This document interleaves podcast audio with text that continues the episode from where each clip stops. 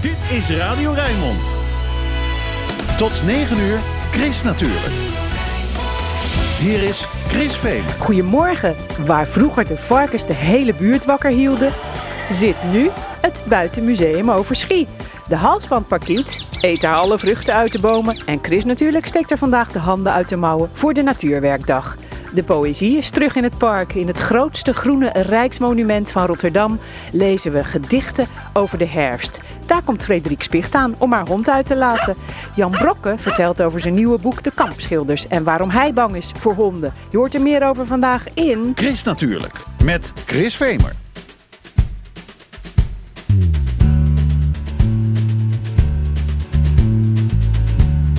Had enough of heartbreaking pain. I had a little sweet spot for the rain. For the rain and skies of gray. Hello, sunshine, won't you stay? Know I always liked my walking shoes. But you can get a little too fond of the blues. You walk too far, you walk away. Hello, sunshine, won't you stay?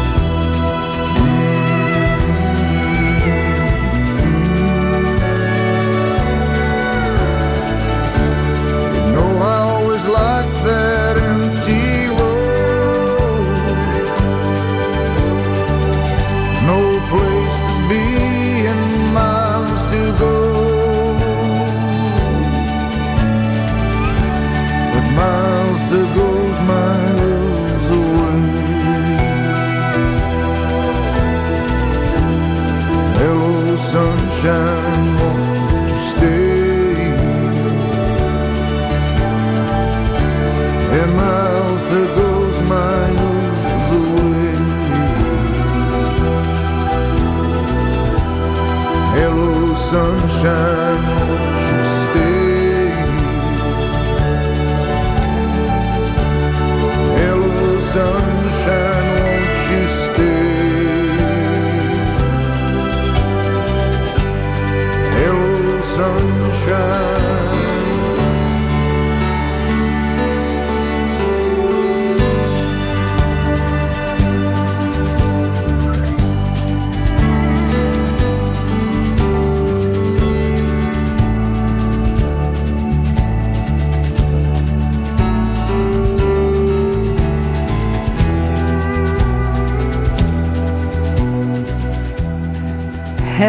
Sunshine Won't You Stay, zingt Bruce Springsteen. En of het zonnetje blijft wat er nu is, dat horen we straks om half negen van Ed Aldus. De natuurtip van Chris natuurlijk. Wilgeknotten, bolle planten, nestkasten maken. Het is vandaag Landelijke Natuurwerkdag. Ook in het centgebied van Rijnmond gaan honderden vrijwilligers aan de slag. Zoals in de tuin van Museum Oud Overschie in Rotterdam. In het Buitenmuseum ontmoet Chris natuurlijk locatieleider John van den Berg en Renata Haring van de Groene Motor. Zij weten precies wat voor werk er vandaag te doen is. Zijn ze er klaar voor om de handen uit de mouwen te steken? Ja, natuurlijk. Dat doen we iedere dag hier.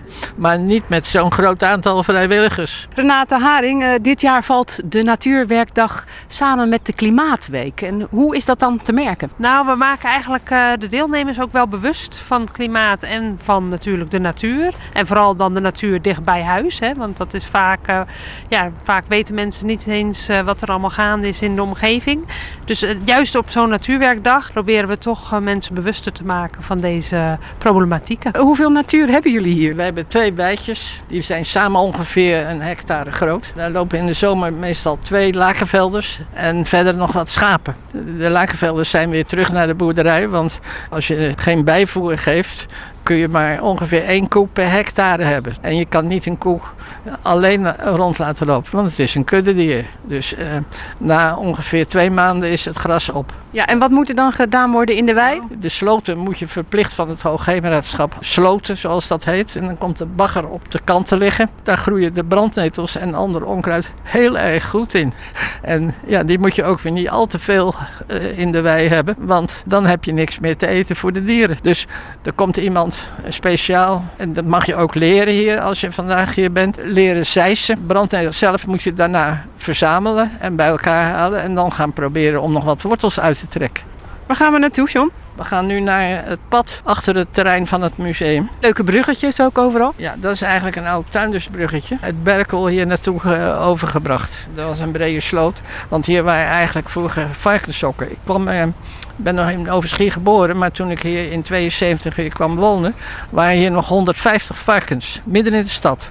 En s morgens om een uur of vier, nou ja, dat horen en zien vergaan, dat kan je niet meer maken. Maar eigenlijk zijn we aan het kijken of we toch nog een soort vaste plek voor een varken erbij kunnen hebben. Want dat zou toch wel leuk zijn voor de buurt ook. Dit landgoed moet ook een beetje vriendelijker gemaakt worden voor de dieren. Ja, zeker. We hebben egels hier. Iemand ging dat al thuis voorbereiden om weer een nieuw egelhuisje te maken.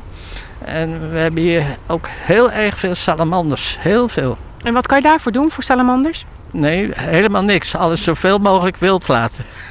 ja. Hetzelfde voor de egels. Ja. Hè? Hoopjes, ja. uh, vooral hoopjes groen laten liggen. Bladeren die afgevallen zijn, zodat egels ook zich uh, daar kunnen verschuilen. Ja, want zo'n huisje is leuk, maar ze kunnen natuurlijk ook uh, onder de blaadjes zich verschuilen. Zeker, zeker. Nou ja, um, takken bij elkaar halen en weer een beetje een nieuwe takkenril maken. Want de oude is hier een beetje ingestort. Dat is ook wel weer iets nuttigs voor deze dag. We moeten de paden nog weer op orde brengen. We hebben namelijk nog een, een soort historische tuin hierbij. Dus de oude pastorietuin. Zullen we daar gaan kijken? Ja. Als je nou niks wil doen, hè, dat kan ook. Je kan hier iedere zondag gewoon komen kijken, toch John? Ja, iedere zondag is iedereen smiddags hier van harte welkom om hier op een bankje te gaan zitten of door de tuin te lopen. Ja. En naar de oude begraafplaats, want die hebben we hier ook nog. Maar dit is de oude pastorietuin? Ja, hier staan ook weer fruitbomen, dat zie je. Maar fruitbomen hebben we tegenwoordig niet zo heel veel plezier van. Want we hebben hier in Overschie heel erg veel halsbandparkieten. En die zitten soms in grote groepen van 100 tegelijk. En dan landen ze even en dan is fruit helemaal verdwenen. Ja, het zijn mooie beesten, maar ze zijn voor de tuinier niet altijd zo prettig. Hallo, mogen we even wat vragen?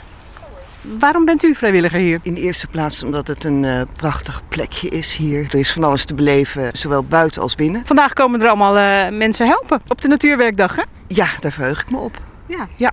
En uh, ik hoop dat er ook mensen zijn die zeggen van nou hier wil ik wel, een, uh, wel vaker komen. Er is zoveel uh, het onderhoud van paden, van grasmaaien, snoeien, opruimen, van alles. Wat bent u vandaag aan het doen? ik ben Iets met de kruiwagen? opnieuw aan het indelen. Oh, dat is een leuk werkje denk ik. Het groeit allemaal heel goed hier. En ja, voordat je het weet is het helemaal overgroeid met dingen die je niet zou willen. Het bijzondere van uh, deze pastorietuin is dat er hier eigenlijk waarschijnlijk al ongeveer meer dan 500 jaar wordt getuinierd. Oorspronkelijk zelfs voor de pastoor, voor de reformatie, dus voor 1572.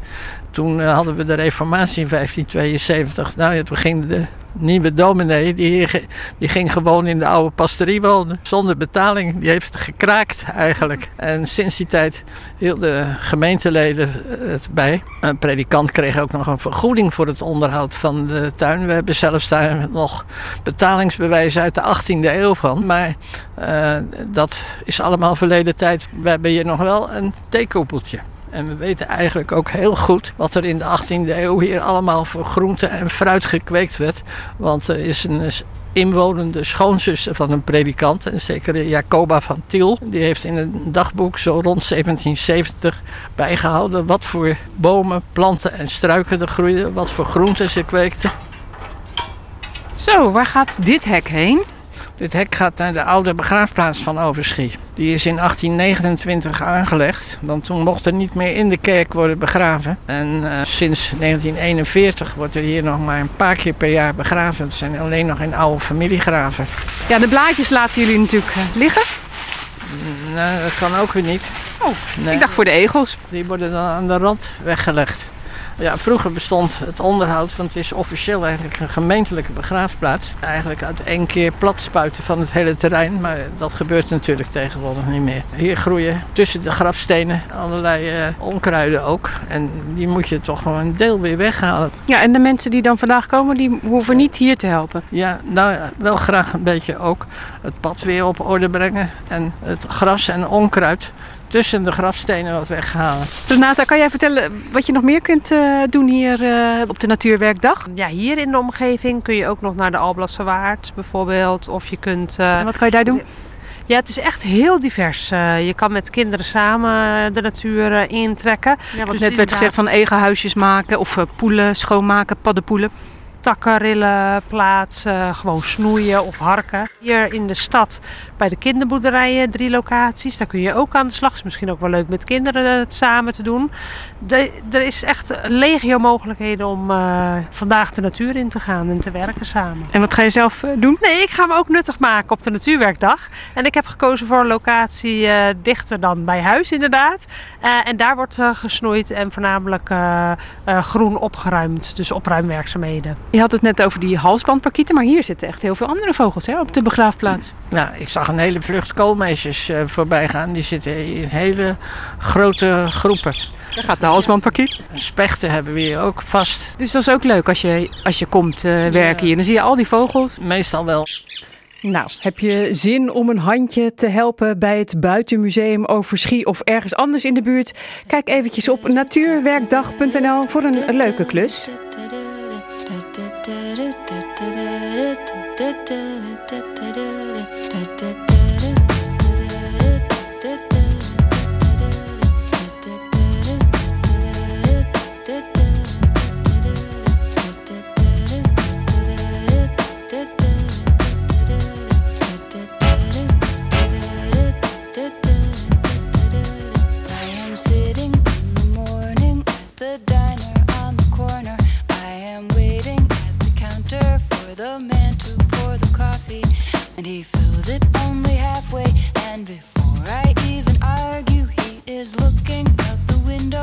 Somebody coming in.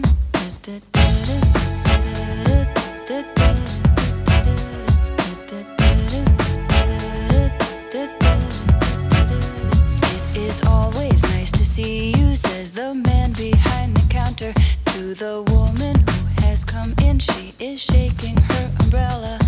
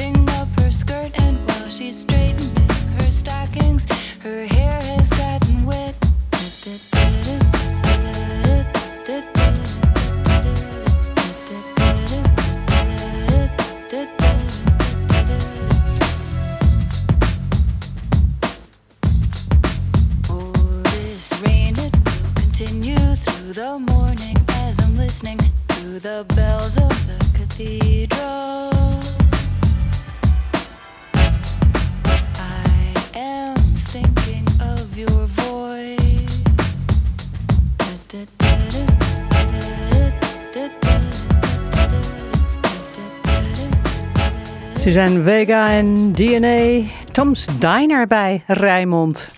Chris natuurlijk. Lekker groen. Ieder seizoen een nieuwe dichtbundel met parkgedichten. Herfst is het eerste cadeautje van de stichting Het Park in Rotterdam aan bezoekers van het park bij de Euromast. In het park ontmoet Chris natuurlijk Benno Lamboy. Hij is projectleider van Droom en Daad. De stichting die samen met de gemeente Rotterdam werkt aan de renovatie van het grootste groene rijksmonument van de stad. We staan bij het standbeeld van Tollens en dat is eh, de dichter des vaderlands geweest. En toen ik hier zelf altijd liep, dacht ik, wie is die meneer en wat doet hij hier? Nou, volgens mij denken heel veel mensen dat die hier lopen. Ja, dus ik ben, eh, ben op onderzoek uitgegaan en eh, kwam erachter dat hij heeft zelfs een keer eh, ons volkslied, ons vorige volkslied heeft hij gemaakt. En toen kwam ik er ook achter dat in 1977 Poetry Park hier is ontstaan. En dat is eigenlijk een voortvloeisel uit eh, Poetry International. Ze kwamen hier voorlezen met een aantal dichters. En eh, dat is toen uitgegroeid naar een heel groot festival in het park waar, waar poëzie centraal stond. En ik vond het zo jammer dat dat eigenlijk verloren was gegaan. Dat ik dacht, daar moeten we wat meer aandacht aan geven. Dat dat poëzie weer terug zijn plek kan krijgen in het park. Dus we zijn eh, samen met Poetry International gaan kijken van wat zouden we in het park kunnen doen. Elk seizoen gaan we een dichtbundel uitbrengen. En ehm, die zijn dan gebaseerd op de seizoenen, maar houden ook rekening met de ontwerpkenmerken van de oorspronkelijke ontwerpers van het park, de zoggers. En dat zie je in het park heel goed aan de, de slingerende paden en het hoogteverschil en de prachtige waterpartijen, maar ook heel veel soorten bomen in het park. En daarmee krijg je het gevoel alsof het park veel groter en veel natuurlijker is dan dat het eigenlijk is. Het is natuurlijk geregisseerde natuur. Poetry heeft in hun archief gezocht naar gedichten die allemaal passen bij die, die stijlen van de zoggers en bij de herfst.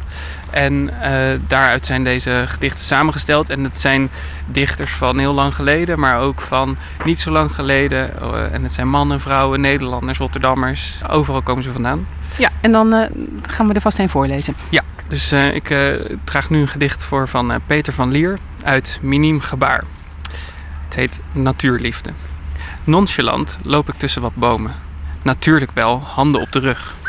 Af en toe dringt een vogelgeluid tot mij door. Dan fluit ik zelf een populaire melodie, ondanks mijn donkere blik. In de late herfst zijn bladeren gevallen en bruin en nat met zand. Een wandeling duurt echter nooit lang, want ik houd van de natuur. Weet je wie ook van de natuur houdt? Frederik Spicht. Daar ga ik even heel snel naartoe. Frederik, goedemorgen. Hey. Ja, ga jij even poepen ruimen, maar...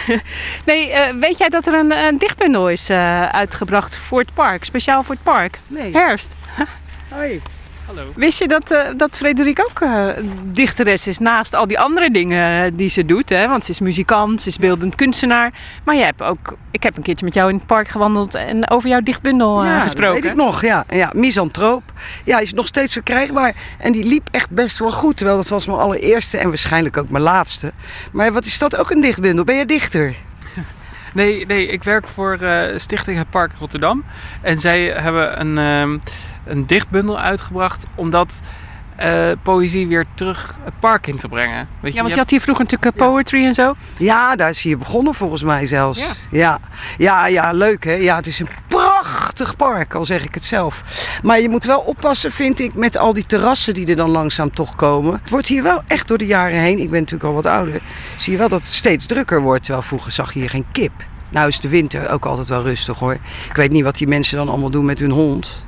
Ja, want jij komt hier elke dag met de hond. Ja, of in elk geval op een plek waar het leuk is voor hem. Wat vindt hij de leukste plek Nou, hier in het meest- park? Waar de meeste honden zijn. Volgens mij heb jij heel veel met dit park. En... Ja, ik vind het echt. Het is een van de mooiste parken die er is in Nederland, denk ik wel eens. Je ziet ook echt dat het Zoggers is, hè? Want het is hetzelfde, dezelfde architect als eh, het Vondelpark natuurlijk. Alleen dit is veel mooier. Flauw hè, altijd dat eh, Rotterdam, Amsterdam. Ik geloof dat één op de vier huizen die er in Rotterdam verkocht wordt, momenteel door Amsterdammers gekocht wordt. Eerst alsmaar vloeken en schelden, hè? En nu, hè? hè? Hey, eh, wil jij een gedicht voordragen uit dit boek? Of, of, Ja, maar, of maar ik heb nou gewoon, ah ja, ik ken ze natuurlijk niet, dus ik ga er één lezen, maar dan weet ik eigenlijk niet of die wel heel mooi is. Nee, maar we gaan het waar. proberen. Peter van Lier. die heeft hij net voorgelezen? Oh, die ga ik dan maar Iedereen doet al die korte natuurlijk, hè? Ja, nou zomerkind, nee, zorgenkind. Ach, ja, zorgenkind. Eerst hebben we haar opgehaald. Dat had niet gehoeven. Deed ze met lauwe schouders door ons heen. Nu zij aan tafel herfst onder haar ogen, merk ik, ver weg van de leuning van de stoel van de man, dat ik plotseling liplezen kan. Ze zegt, ik zal blij zijn de dag dat ik mijn ogen sluit. En jij hebt dat zo gemaakt, lezen wij achteraan, de man en ik. We zeggen dat niet, ik wijs mezelf aan. Ik vind het wel een beetje een, een, een droevig gedicht dan weer, hè? Maar ja, dat past ook wel weer bij de herfst. Daarom. En ja, er zullen eh, hele legio mensen zijn die zichzelf herkennen in het zorgenkind, vrees ik toch. Nou, fijne dag. Maak het park mooi. Het is al heel mooi, hè? Niet te veel aan eh, sch- schuieren en schuren, want dat zou ik toch jammer vinden. Ik denk altijd, laat de natuur maar een beetje rommelen. Dan komt het allemaal goed. Dankjewel, Frederik. Tot ziens. Tot ziens. We zijn onderweg naar Dudok in het park. Hè? Want dat is een van de horecagelegenheden die ook zo'n eh, dichtbundel eh, heeft liggen. Nou, meerdere. En dat is dan gewoon eh, voor het publiek om mee te nemen. Ja, dus als je naar het park komt, dan kan je daarna nog eventjes wandelen door het park. Beetje mijmeren op een bankje, misschien een gedicht lezen. Nou, dat is wel grappig dat je dat zegt. Want wist je dat eh, vlak voordat Zoggers dit hebben ontworpen, dat het eh, een romantische tijd was en dat mensen dan eh, met zo'n dichtbundel in de hand ergens onder een boompje gingen zitten en dan huilend van ontroering zo'n gedicht lazen. Dat wist ik niet. Maar zou je dat ook willen voor nu? Ik weet niet of iedereen moet gaan huilen, maar dat mensen met welke reden dan ook naar het park komen om ervan te genieten. Dat... Ja, maar ik bedoel een gedicht te, te lezen. Ja, graag. Dan zou ze bijvoorbeeld op dit bankje kunnen gaan lezen. Ja, en het, dus het leuke is, ik heb dus al een paar keer mensen eh, van, weet ik veel, een jaar of twintig met zo'n boekje op een bankje in het park gezien. En dan maak ik altijd even stiekem een foto, omdat ik het gewoon zelf zo leuk vind dat ik dan denk, oh, het wordt zo goed ontvangen. En dat is heel leuk om te zien. Hoe gaat het trouwens met de renovatie van het park? Ja, dat gaat heel goed. Je ziet weer helemaal mooi hoe die paden, die geven ongeveer licht. En die nodigen je echt uit daar om eh, naartoe te gaan. En zeker als je bedenkt wat, waar we vandaan kwamen met die asfaltpaden... waar je ongeveer elke stap struikelde omdat het asfalt helemaal gebroken was. En waar vroeger tulpenveld was, daar komt ook weer een heel mooi plantvak terug. En dat is door Jacqueline van der Kloet ontworpen. En dan met, heeft ze de, de briefing gekregen om wat duurzamer ook te ontwerpen. Want dat plantvak ging drie keer per jaar, werd dat helemaal leeggehaald en kwamen weer nieuwe beplanting in. En nu hebben we gevraagd, kun je een ontwerp maken wat het hele jaar door mooi en met bloemen en dat het gewoon mooi blijft zonder dat we het elke keer uit moeten halen. En misschien ook eh, het hele jaar door goed voor de insecten. Precies, ja. We zijn aangekomen in Dudok in het park. En eh, jij bent? Ik ben Strelle, ik ben eh, marketeer voor de Dudok Horeca Groep. Hoe gaat het met die dichtbundel? Wordt die een beetje gelezen, denk jij? Heel veel, ja. Volgens mij ben, eh, is ben er nu voor de tweede of de derde keer al in korte tijd langs geweest met een nieuwe voorraad. Wordt goed ontvangen. Wat vind jij van het idee? Ja, heel leuk. Ja, het ziet er, ziet er sowieso goed uit. Ik heb hem zelf ook al doorgelezen en ik zit hier elke dag. Ik heb een prachtig mooi kantoor hierboven in het pand. En ik heb een mooi uitzicht heel de dag. Maar je gaat het park toch weer op een andere, andere manier zien door die gedichten te lezen. Wil jij een gedicht voordragen misschien? Nou, dat hoeft niet als een echte spoken word artist voorgelezen te worden. Nee, dat hoeft niet. nou, van wie ga je een gedicht lezen dan? Even kijken. Anneke Brassinga. Uit het landgoed de Bezige bij 1989. Buiten herfst. De bliksem heeft mij niet geraakt vandaag. Hij was een weiland verder, dat is niet ver.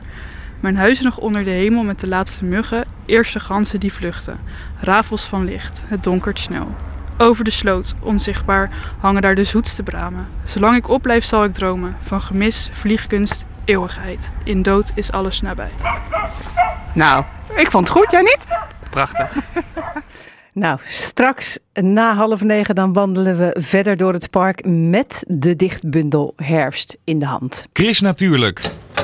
De weekendbijlage. Maar nu is het tijd voor eh, wat er in de weekendkranten staat en online over groen, natuur en milieu. Je hoort het in het overzicht dat ik vanochtend samenlees met Martin van der Boogart. Martin, goedemorgen. Ja, goedemorgen Chris. Ja, nog een, eh, een heel leven eh, voor je. Nou ja, dat kunnen wij eigenlijk niet meer zeggen. Eh, een heel leven voor je. Gaat Met de ons, hè? klimaatverandering. Eh, in de weekendbijlage van de Volkskrant eh, vertellen zeven jongeren, eh, kijk daar heb je het al, Juist. over eh, de hele wereld, hoe ze de opwarming van de aarde nu al aan de lijve ondervinden en hoe ze de toekomst zien. Ook de andere kranten die schrijven over klimaatverandering, want dit weekend begint de klimaattop in Egypte. Egypte zelf leeft al in een wereld die twee keer zo snel opwarmt als andere plekken op aarde, schrijft Trouw. En het is daar al zo heet. Eh, maar bij ons, daar is het herfst. En eh, waar zijn eh, de egeltjes eh, te vinden tijdens hun winterslaap in het Kralingse bos? Daar twittert de gemeente Rotterdam vanochtend over. Boswachter eh, Gerard die vertelt in het Kralingse Plas en Bos journaal op YouTube waar die beesten te vinden zijn. Ja, de bedwans, dat is een gevreesd kriebelachtig dier, kan vreselijke jeuk eh, veroorzaken. Vooral eh, komt hij voor in hotels. Jelle Reumer die schrijft in zijn wekelijkse dierencolumn in Trouw over een volstrekt ongevaarlijke vegan wansensoort. De bladpootrandwans. En dat is een verstekeling uit de VS. Nou, de elektrische lading van eh, lucht verandert als er een zwerm bijen langs vliegt. Engelse biologen ontdek- ontdekten dat bij eh, toeval. De atmosfeer die is dus eh, elektrisch geladen en onderzoekers bestuderen al langer hoe die lading dieren en planten beïnvloedt. Maar het werkt dus ook andersom. Dieren kunnen de atmosferische elektriciteit beïnvloeden. En je leest erover in NRC. Dat zou lokaal weersomstandigheden zoals wolkenvorming zelfs kunnen beïnvloeden. Nou, dat vind ik interessant. Ik denk dat eh, Ed dat ook eh, interessant vindt. Martin van der Boogaard was dat met het groene nieuws uit de weekendkrant en daarbuiten. Ed, goedemorgen. Ja, goedemorgen. Want wat voortaan moet je dan ook op bijenzwermen en andere dieren gaan letten als je het weer bepaalt, lijkt het wel hè? Ja, eh, Wow. het gaat ook wel een beetje ver allemaal, zeg maar, toch? Eh, ja. Ik weet het niet. Nou, je zal het nog wel, zal het nog wel eens eh, horen ooit, eh, denk ik Ed. Maar Ja. vandaag, vanochtend, dan schijnt de zon gewoon lekker in mijn zeker. ogen. Laten we maar gewoon bij het weer houden. Juist. En ja, vanochtend ziet het nog hartstikke goed uit. Het wordt een weekend met twee verschillende gezichten. Vanochtend zijn er perioden met zon. en ja, het is ook overal droog. Dat na een nacht trouwens met een aantal buien, Chris. En ja, op dit moment een temperatuur die we nog niet zo vaak hebben gezien zo in de ochtend. Het is nu een graad of eh 8. In het oosten van de regio een graad of 5. Langs de kust nu 10 graden. Er staat weinig wind. Nou, je ziet dat in de loop van de dag de wind gaat toenemen tot matig, aan zee tot vrij krachtig, windkracht 3 tot 5, uit het zuidwesten. Ja, en dan vanmiddag dan raakt het bewolkt vanuit het zuidwesten. En aan het eind van de middag is zelfs een klein beetje regen niet helemaal ondenkbaar. Vooral op de eilanden en in het westen van de regio. Nou, de maximumtemperatuur komt nog wel uit op een graad of 12. Nou, vanavond en vannacht is het bewolkt, plaatselijk wat regen.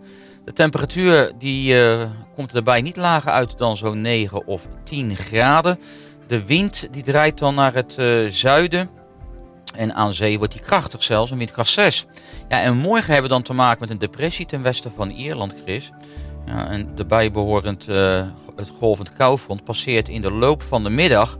En dat betekent voor morgen een bewolkte dag. In de loop van de ochtend op steeds meer plaatsen regen. En morgenmiddag is het gewoon kletsnat in onze regio. Nou, die regen vertrekt dan weer morgen aan het eind van de middag zo'n beetje. Maar dan volgen nog wel weer een paar buien. Er zou uiteindelijk 10 tot 20 mm regen kunnen vallen. Met de Zo, waar gaan we dat nou weer opvangen, Ed? Ja, nou ja, als je je tuin goed hebt ingericht, dan komt dat denk ik wel goed. Ja. Eh, de temperatuur die komt niet hoger uit dan een waterkoude 10 graden. Dat is ook een temperatuur die we al lang niet hebben gezien voor overdag. Morgenavond wordt het wel wat zachter. En de wind die waait matig tot vrij krachtig en aan zee krachtig uit het zuiden. Ja, een windkracht 4 tot 6. Dus morgen echt een herfstachtige dag. Ja. En ook nat. Ja, dus eh, vandaag maar het park in. En dan dacht ik dat volgende week de temperatuur weer ging oplopen. Ja, zeker. Het wordt weer uitermate zachter voor de tijd van het jaar. Daarbij is het de eerste dagen licht wisselvallig. Met af en toe wat regen of een bui. Want er passeert soms nog wel een front, zeg maar. Temperaturen, ja, ze gaan echt weer eh, de pan uitswingen rond een graad of 15. En s'nachts rond een graad of 12, dat is normaal voor eh, overdag. En dan volgend weekend, Chris, dan krijgen we te maken met een hoge drukgebied. Dan is het mooi weer met veel zon. Blijft het overal droog. Ja, met 15 graden is het lenteachtig. Nou Ed, zover heb je nog nooit eh, vooruit Nee, maar dit is wel vrij zeker Dat moet je namelijk. volgende Daarom, week eh, pas vertellen. Hè? Nou goed, eh, Ja, dan, spreek ik jou ik weer. het. Maar, en straks om half één, dan ben je ook weer terug in zaterdagmiddag live. En dat is het programma van Rijnmond, eh, wat we samen met de lokale omroepen doen. En eh, daar hoor je dan het grote en het kleine nieuws uit je buurt. En het nieuws van Ed dus. Ja, zeker Chris. Ed, fijn weekend. Hey, fijn weekend. Hoi. Hoi. Luisteren allemaal naar Chris. Kom nou toch. Chris, natuurlijk. She work it girl, she work the bowl, she break it down, she take it low, she's fine as hell, she's about the dough, doing the thing right on the floor, and money, money she making, look at the way she's shaking, make you wanna touch her, wanna taste her, have you lusting for her, going crazy, face it.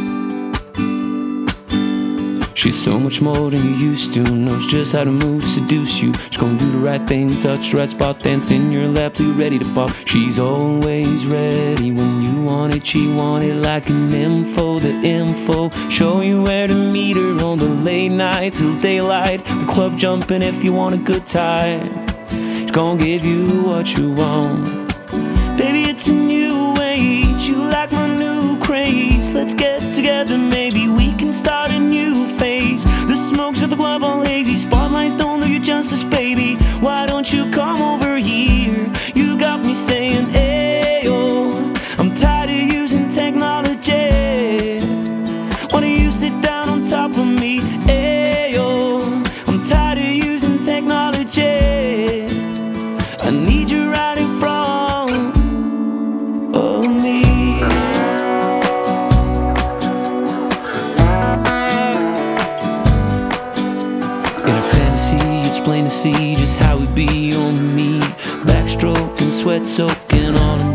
set sheets. When you ready to ride, I'll be ready to roll. I'll be in this bitch till the club close. What should I do in all fours? Now that that shit you against the law. Different style, different move. Damn, I like the way you move. Girl, you got me thinking about all the things I do to you. Let's get it popping, shorty. We can switch positions from the couch to the counters of my kitchen. Baby, it's a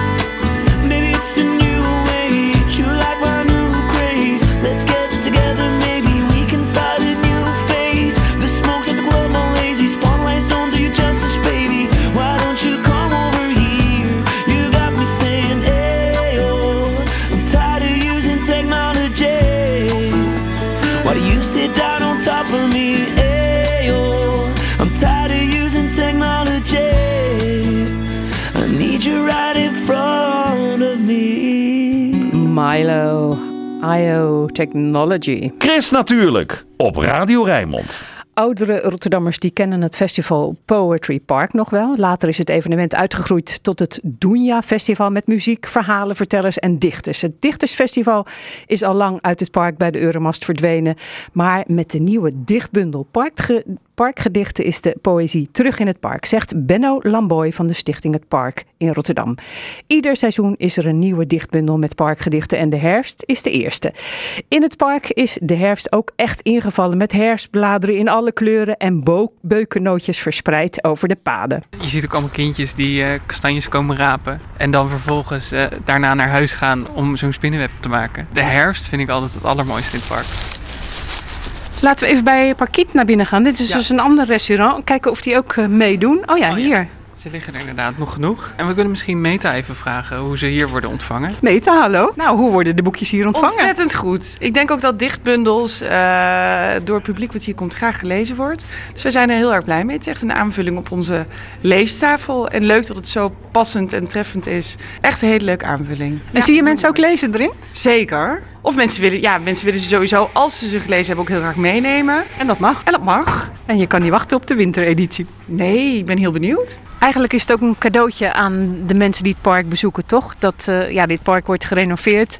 En dan, eh, nou, dan krijg je als troost een eh, bundeltje, of is dat niet zo? Nou, niet als troost, maar wel als cadeautje inderdaad voor het park. Hij is ook alleen in het park verkrijgbaar. Het is echt de bedoeling dat iemand naar het park toe komt om dan hier ook dat boekje te lezen. Dit is herfst en er volgt dus een wintereditie. En die gaat anders gemaakt worden dan deze herfsteditie. Volgende editie, daarvoor hebben we Dirk Otte uitgenodigd als gastredacteur. En eh, die gaat dan één gedicht schrijven en die maar dan vervolgens ook de selectie van de andere 14 gedichten. Dus daar kijk ik heel erg naar uit. Zullen we nog een leuk plekje in het park zoeken waar jij eh, nog een gedicht uit de bundel voordraagt? Ja, dat is goed. En dan kies ik een plekje wat we vorig jaar hebben opgeknapt. Dat is eh, het gebiedje voor Parkheuvel. Dat is een meer het bosachtige deel van het park. En daar is een, eh, een bankje geplaatst en dat is dan nieuw in het ontwerp. En de ontwerper die zei, ik wil ook altijd een romantisch plekje ontwerpen. En heel vaak als ik daar langs loop, dan zitten daar ook verliefde stelletjes samen op dat bankje. Lekker uitkijken over het gras en de bomen. Dus we kunnen even kijken of die nog vrij is. Al lopend daar naartoe, geregisseerde natuur noem jij eh, dit, hè, dit park. En hebben die, eh, die bij de zoggers die hebben daar ook echt heel erg over nagedacht. En dat zie je hier zo mooi eigenlijk. Ja, want het is dus je hebt het idee dat je in de natuur bent, maar als je goed oplet, de, de paden zijn, hebben hele strakke lijnen eigenlijk. En de waterkant is een hele strakke lijn. Dus door die strakke lijnen ervaar je de natuur beter. Ja, maar ook, je hebt allemaal van die inkijkjes. Als ik een bocht omloop, dan zie ik weer een ander stuk. Ja, dus dat verrassingseffect, dat hebben ze ook heel erg meegenomen in het ontwerp. Dat, dat je de bocht omkomt en dat zich dan weer een heel nieuw perspectief opent. Nou, hier is dat bankje. Er zit niemand op, dus wij kunnen erop zitten. Wat ga je dan voordragen? Um, ik dacht aan een gedicht van Esther Naomi Perquin. En dat heet Raad eens wie we tegenkwamen. Er was toch al met tegenzin, dat bleef je zien, een bankje neergezet. Hier dan, harde planken naast een boom, als je zo nodig zitten moet. Maar liefdeloos of niet, het bleef bezet, een oude vrouw. Al in zichzelf gekrompen, half voorover hoofd onder de takken door en kin vooruitgeschoven, alsof alles haar was overkomen, alles voor haar was gemaakt. Zo was dat ook, zo keek je, ze keek je aan als je langskwam met je gewrichten, nog nauwelijks krakend met blakend van gezondheid. Je kinderen met liedjes zoekend naar eenden. En ze keek je aan dat je je schaamde, dat je je niet vaker schaamde, dat je had uitgeslapen, dat je net een nieuwe droger was gaan kopen en vanavond pizza at. En dan lachten ze van, denk jij maar niet dat jij hier komt te zitten, jonge dame. Had je wat? Het gedicht Raad is wie we tegenkwamen van Esther Naomi Perquin kun je vinden in herfst. Het eerste deel van de serie Parkgedichten. Het boekje kun je krijgen in een van de horecazaken in het park bij de Euromast in Rotterdam. I look into the stars at night. The only substitution when it's not your eyes. Yeah. Can't get enough, it's official. I want a lot, not a little. If we keep it us, it's so simple. Wherever you are, wherever you are. Heartbeat, it speeds up whenever you want me. What you got, I wanna like. I'm weak, I need that. I wanna be wherever you are, wherever you are. Heartbeat, it speeds up whenever you want me. What you got, I wanna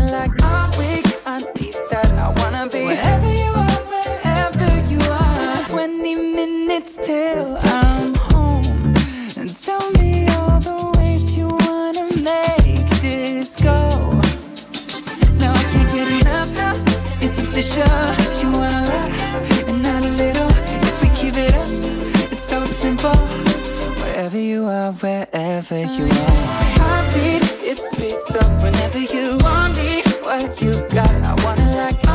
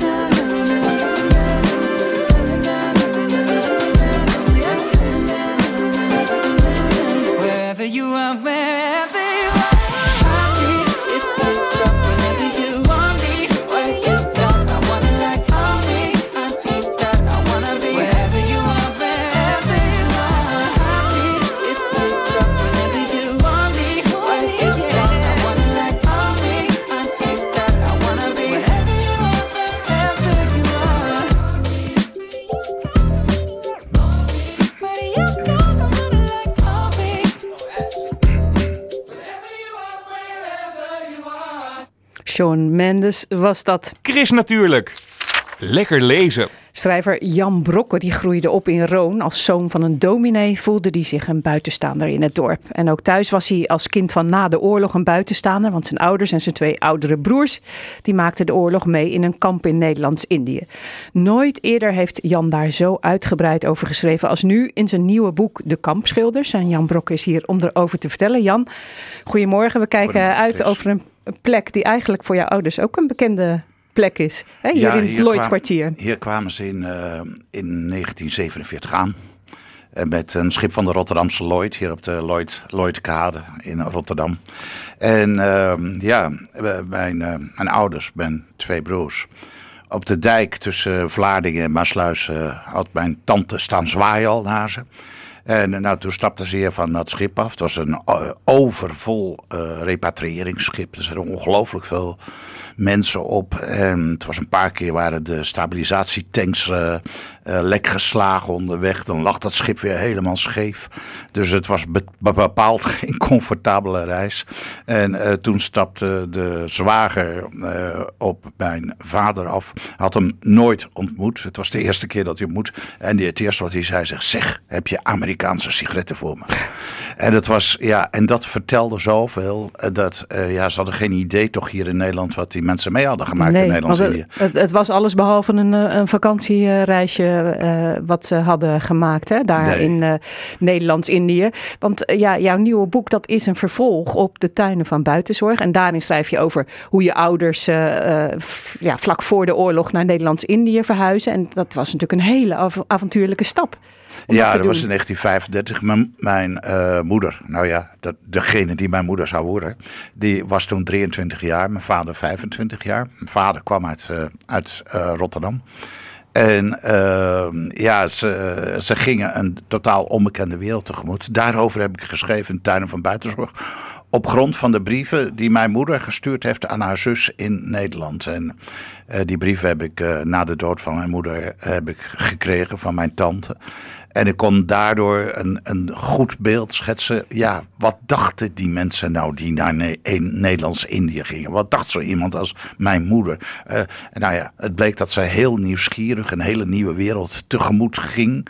En nou, daarover heb ik geschreven in de Tuinen van Buitenzorg.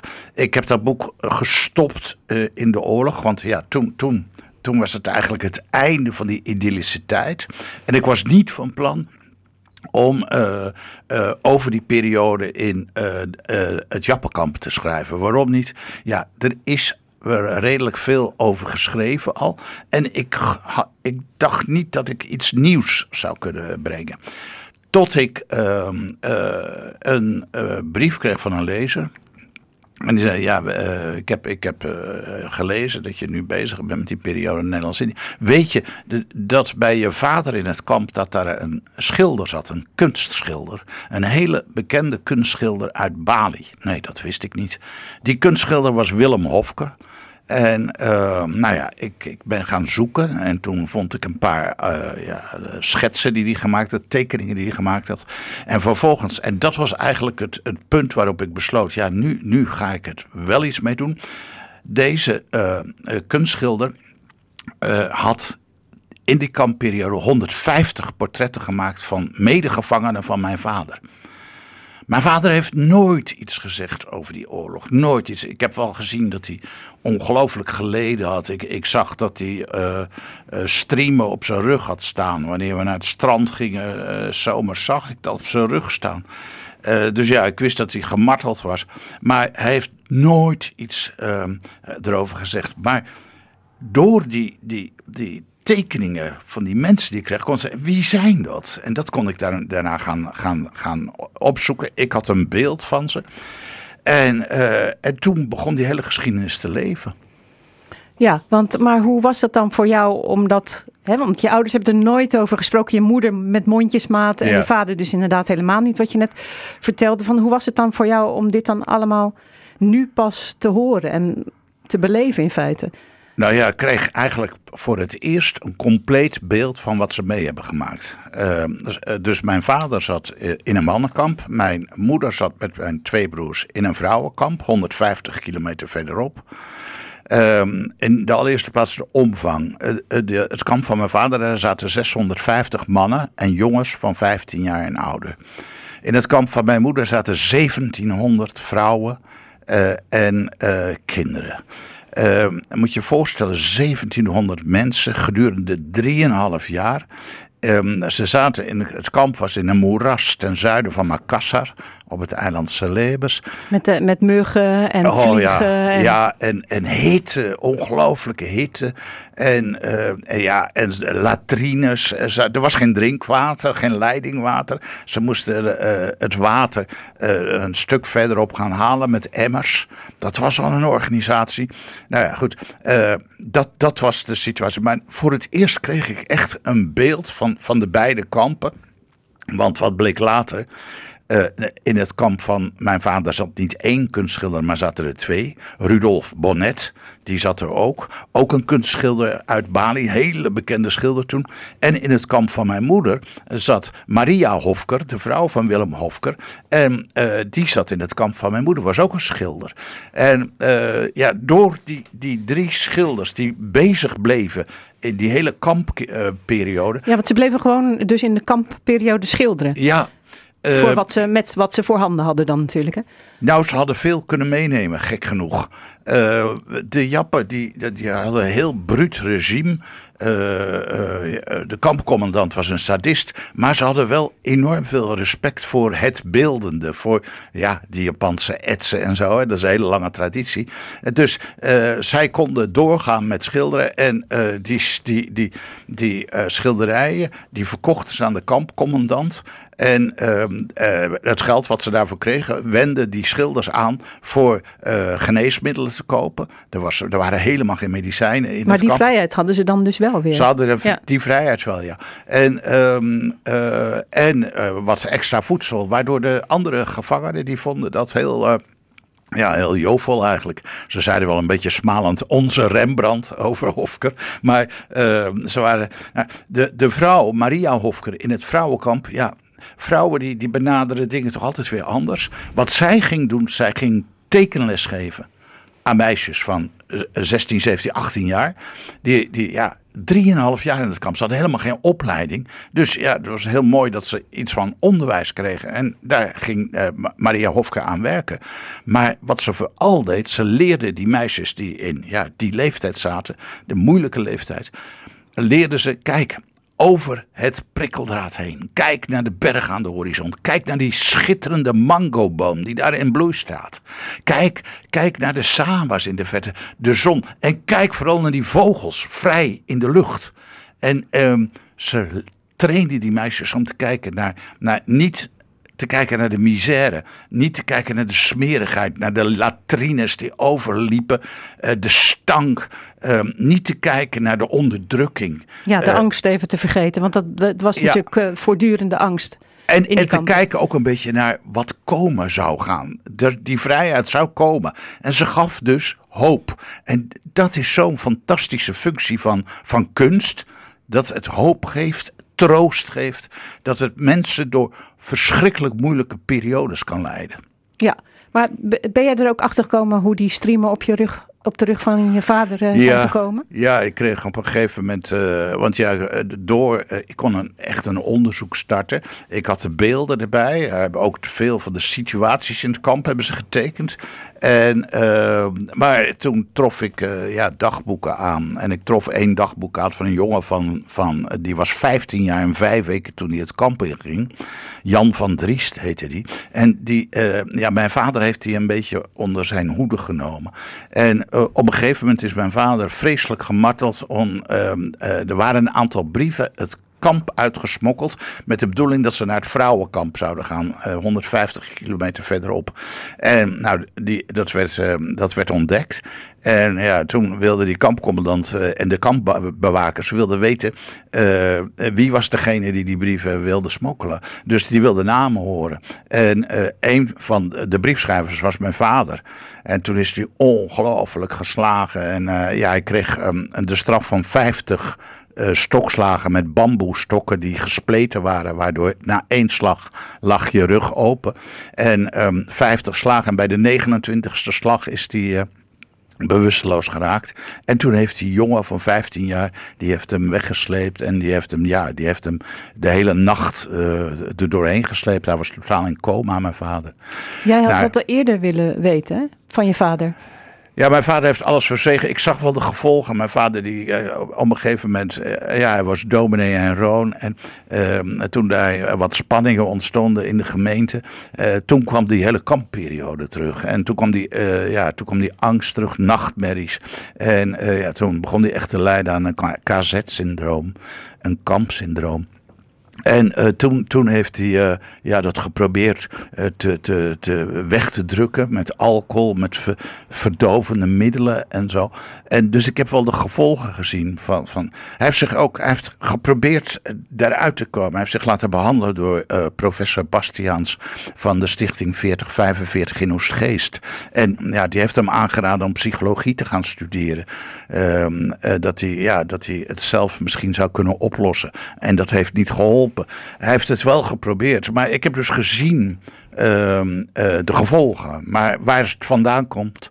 Ja, mijn vader wilde er helemaal meer aan herinnerd worden. Hij, hij heeft ook een, eh, er zijn herinneringsboeken geschreven. Zo, die heeft hij niet gekocht. Hij ging nooit naar een reunie van, van, van de, de vroegere kampgenoten. Hij heeft het helemaal afgesloten. En ik denk dat hij zich daar zelf mee ja, toch wel ernstig in de problemen eh, heeft gehad. Ik begrijp best waarom hij dat gedaan heeft. Hij wilde dat niet doen eh, ten opzichte van mijn broers. Die hadden nam- namelijk ook in een kamp gezeten. En die hadden ook daar problemen van gehad.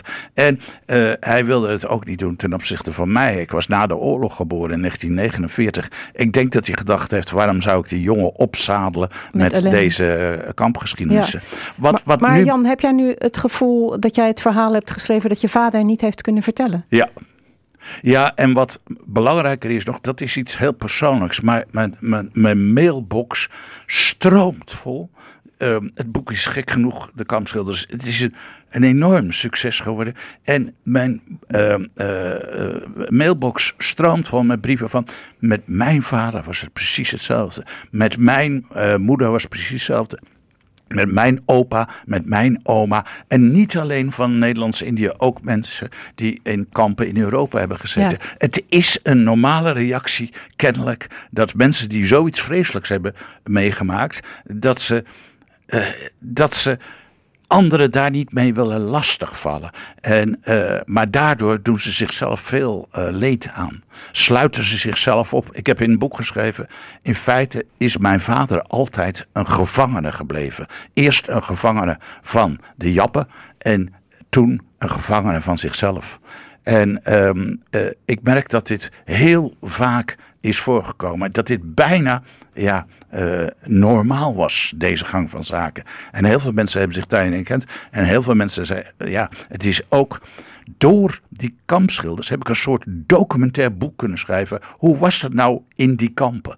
En, eh, eh, En ja, heb je ook hoop gegeven hè, dat, dat, dat er ook nog iets moois is op de wereld en dat is kunst en cultuur. Ja, het is absoluut geen triest boek geworden in die zin. Het, het is een boek wat aantoont eh, wat, eh, wat kunst kan doen. Eh, Wat die schilderijen konden doen, wat die tekeningen konden doen. Maar ook, ja, ze gingen met elkaar zingen. Ze, koren en mijn moeder begeleidde die koren. Was een heel oud pianootje en daarvoor een heel oud orgeltje. Dus eh, ja, ze probeerden eh, troost en afleiding te zoeken in eh, muziek en in die beeldende kunst.